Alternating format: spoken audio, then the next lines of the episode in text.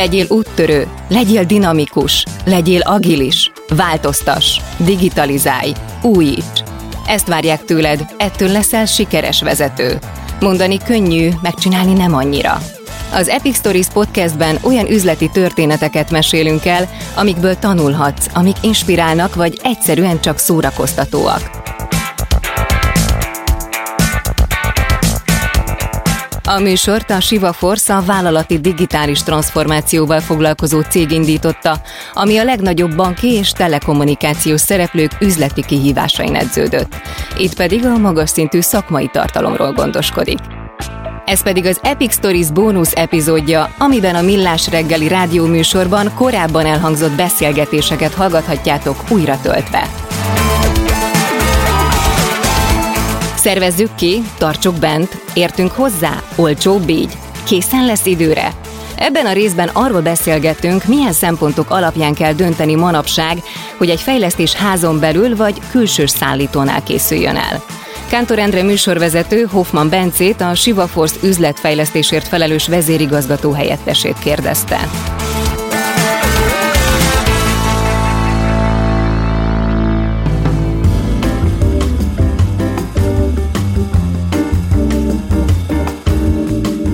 No, időről időre, hogyha meleg a pite, akkor a cégek gondolnak egyet, és akkor amilyen nem a a core businesshez tartozik, hogy ezt a kifejezést használjam, az fogják magukat és kiszervezik. Ez ugye az outsourcing, erről nagyon sokat lehet hallani, olvasni, látni is mindent.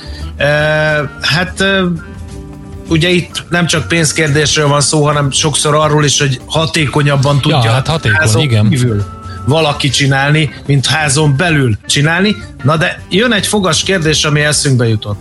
Mi van az informatikával? Mert hogy ugye minden cég digitalizálódik jó esetben, itt az ipar 4.0, digitalizáció, stb. stb. Most akkor érdemese hálózaton belül tartani a hálózatot, vagy hálózaton kívül tartani a hálózatot. Úgyhogy ezt a Gordiuszi csomót fogjuk most ketté vágni. Hoffman Bencével, a Shiva Force üzletfejlesztéssel felelős vezérigazgató helyettesével. Jó reggelt kívánunk! Jó reggelt kívánok, szervusztok, üdvözlöm a kedves hallgatókat. Hát köszönöm szépen a felvezetést, és így, hogy ez Gordiuszi csomó vagy nem, remélem, hogy ebben a pár percben tudunk erről, erről ez engem is nagyon érdeklő témáról egy kicsit hosszabban beszélgetni. Hogyha megengeditek, akkor egy kicsit talán kifejtelém azt, hogy mégis hogy jutottunk ide. Ugye a banki és biztosítói digitalizáció az ez már régóta zajlik. Sajnos a Covid-válság feltette itt is a pontot az ire, és gyorsított ezen a belső nagyvállalat integrációs folyamaton. Sok esetben évekkel, két-három évvel legalább előrehozva, valamint szerencsétlen módon le is rövidítve, egyébként a nagyvállalati stratégiai víziókban egyébként is szereplő fejlesztési terveket. Ezek uh-huh. láthatóan hosszabb távon is már értékelhető hatásúak, és ami nagyon fontos, hogy nem kizárólag magukra az IT által támogatott termékekre, és informatikai, valamint folyamati fejlesztésekre vannak hatása, hatással, hanem arra is, amit most a felvezetőben említettél, hogy hogyan dolgozunk együtt, mind beszállító, mind megrendelő ebben a folyamatosan változó ökoszisztémában, a magának a sikernek az életében, érdekében. Uh-huh. Én amikor kezdtem a szakmámat, ami nem most volt már, még a 90-es évek végén diplomáztam, akkor emlékszem, hogy sokan viccelődtek ezen a klasszikus papucsos kockás inges is. Sok ilyen viccet hallottam, de ez már azért percepciójában nagyon sokat változott. Az informatikát áll, irányító CIO az régen felköltözött már az alsó emeletekről közvetlenül a vezérigazgató iroda mellé, és hiszen, ahogy említetted, ez a folyamány jött el a vállalatok életébe, hogy minden minden termelő vállalat valamilyen módon szoftvercég is kíván lenni, mert ezeket a szolgáltatásokat most már rutin szinten kell használni, és beépíteni ahhoz, hogy a piaci versenyben egy adott vállalat helytálljon. Az IT vezetők uh-huh. szerepe az az hatalmas a vállalat. Hát, de hogy kulcsfontosságú lett, ugye, a digitalizációról beszélünk, ráadásul ugye ők ilyen összekötő hidat is képeznek, ugye a, a menedzsment, a felső vezetés és a vállalati működés között, hiszen valahol össze kell hangolni ezeket a dolgokat. No de, mennyire hatott itt a Covid, mert emellett, tehát hogy beköszöntött ez a nyavaja, itt az életünkben, meg kell tanulni együtt élni vele. Ez ugye felgyorsította ezt a digitalizációs folyamatot több vállalkozásnál is. Tehát tetszik, nem tetszik, fejleszteni kellett. Laptopokat kellett venni, meg kellett ismerkedni a Zoom-mal, amit lehetőleg biztonságosan kellett használni. Beköszöntött a home office kora jó ideig, aztán most visszalopta magát, tehát ez egy olyan nyomás alá helyezte a cégeket, amit nem lehet figyelmen kívül hagyni. Ez, ez mennyire pörgette fel ezt a helyzetet, és hogyan hatott erre az egész dologra? Ökoszisztémára magára? Hát Igen. ez a digitális transformáció, ez, ez tényleg régóta létezett.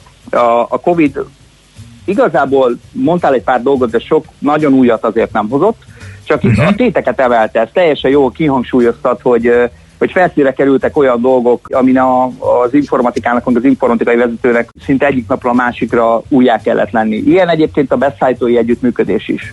Tehát amiről a legelején beszéltünk, hogy maga ez az úgynevezett kiszervezés és a, a miért, miért is érdekes, hiszen a vállalatok megújulásának, amit te is említettél, a, a CIO felelőssége azért ezt nagy, nagy mértékben támogatni, az outsourcing egy, egy úgynevezett zálog egy nagyon gyors uh-huh. történeti, történeti kitekintést, hogyha megengedtek ezzel kapcsolatosan, hogyha már elkezdtem itt a, az év, évezred elejéről beszélni, akkor a, volt egy IT Outsource 1.0, ahol azért kellett csak külső erőforrást inkább bevonni, hogy a nagyvállalat innovációs képességeket tegyen szert, mint ahogy most is. Említetted a Zoomot, ez is egy uh-huh. olyan típusú innovációs eszköz és megoldás, amire ugye a kollaborációt most a nagyvállalati beszélgetést ki tudták terjeszteni az elektronikus kérbe.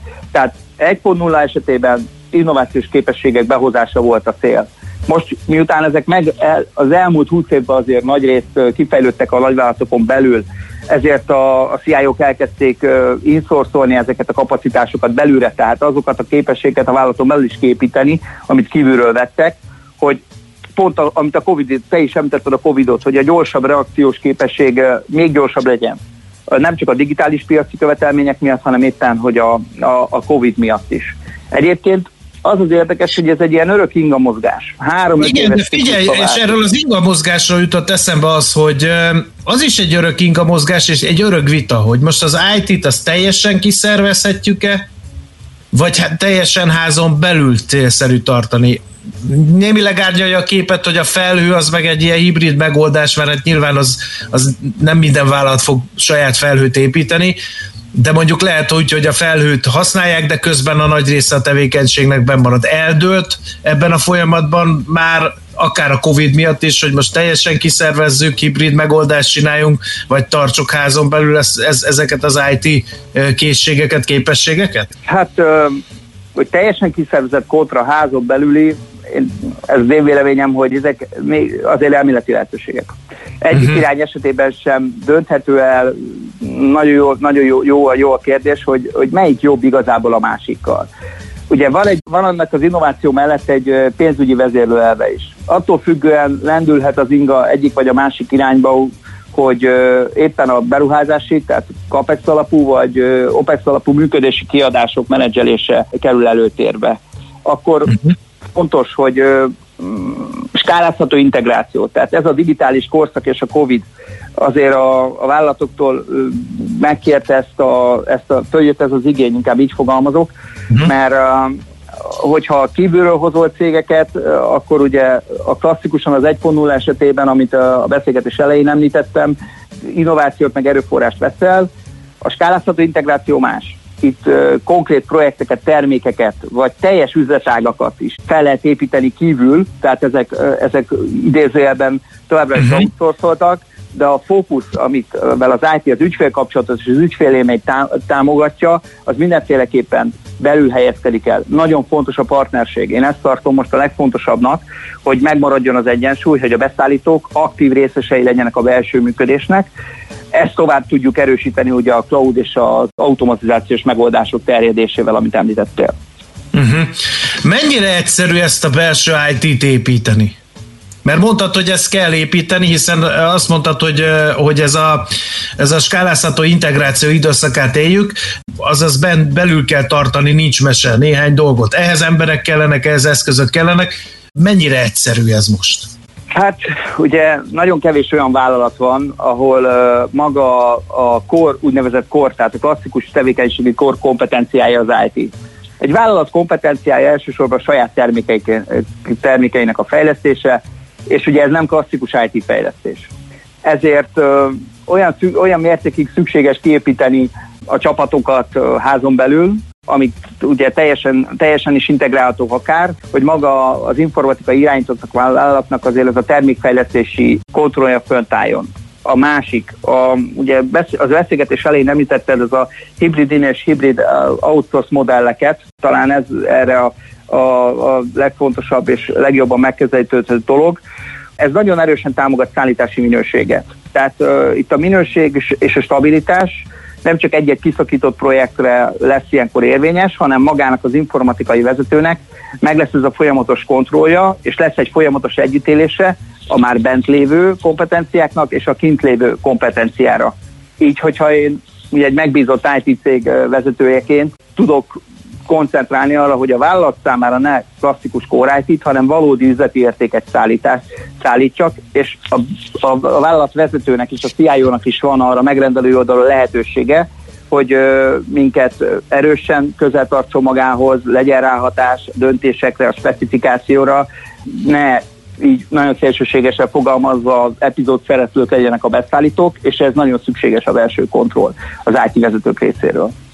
Uh-huh. Mennyire lehet egy, egy beszállítót integrálni egy cég belső rendszerére. Mindenkinek jó az, hogyha látják a belső folyamatokat, hogy van ráhatásuk valamilyen szinten a, a döntésekre, tudnak visszajelzést adni a beszállítók e, is, és ugyanígy a cég is. Tehát, hogyha hogy valami olyasmi érzetem van, hogy egy kicsit mint a beszállítót be kéne emelni a cég működésébe, akkor lehet a, a hatékony, csak hát ugye mégiscsak külső beszállítók. Létezik ez az ideális állapot? Hiszen lehet, hogy nem csak egy cég az ügyfelük, hanem négy, és ha mindenhol bent vannak, akkor főleg IT vonalon ott akár még talán sebezhetőnek is érezheti magát egyik ügyfél, hogy ki tudja, hogy mit mondanak és mit visznek el egy másik társasághoz. Tehát én ezt ilyen kicsit ilyen képlékeny és elég gyenge helyzetnek érzem, nem tudom, te hogy látod. Hát ugye ebbe egy fontos eszköz a, a vállalatvezetők kezében a, a nagyvállalati vendor management, illetve a különféle governance modellek, hogy pont ezeket a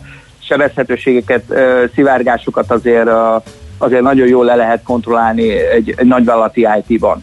Viszont a külsős és a belsős fejlesztőknek, hogyha együtt akarnak tényleg integráltan és pontosan dolgozni, akkor egy keretrendszerbe kell tevékenykedniük. Hmm. Ugye ennek a kontrollja az mindenféleképpen a, a benti, a megrendelői oldalon marad, a vendor management segít egy teljesen folyamatos, egységes és transzparens kommunikációba. A érzékenysége talán az, az egy ilyen fontos kérdés, ebben szerintem még vannak fejlesztendő területek. A, uh-huh.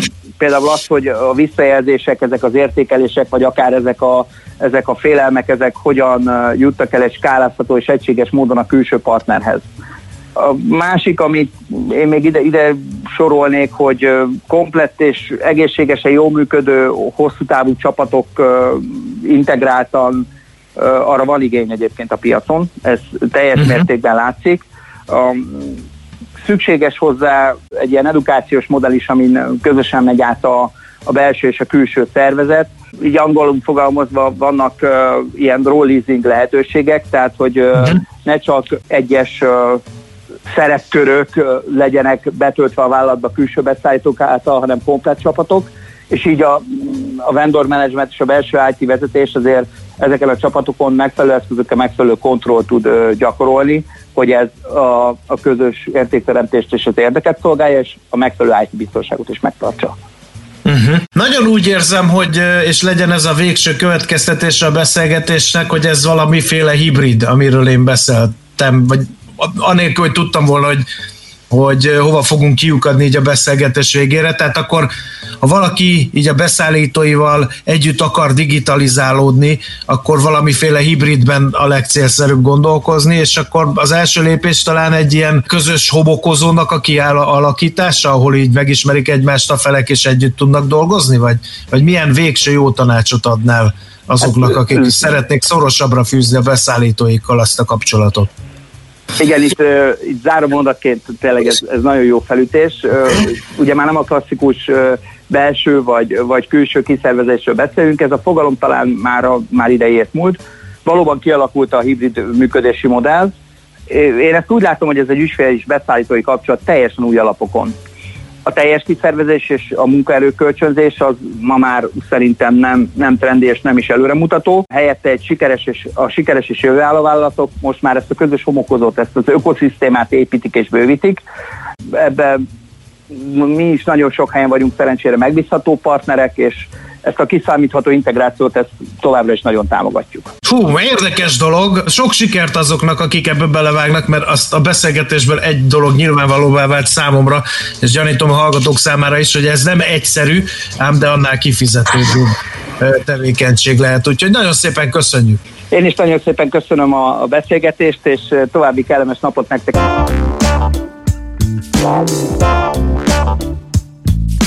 Az Epic Stories Podcast bónusz részét hallottátok, amiben a Millás reggeli rádió műsorban korábban elhangzott interjúkat dolgozzuk fel.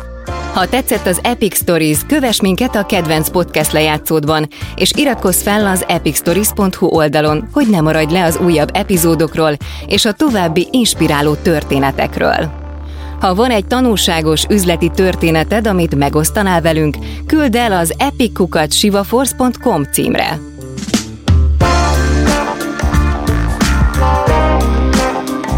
Az Epic Stories tartalmi koncepcióját Dojcsák Dániel készítette, a műsor szerkesztője Zádori László, a vezető szerkesztő Neizer Anita, a gyártásvezető Gröger Dia, a zenei és utómunka szerkesztő Szűcs Dániel, a kreatív producer Román Balázs, a producer pedig Hampuk Rihárd. Ordasi Brigittát és az Epic Stories-t hallottátok.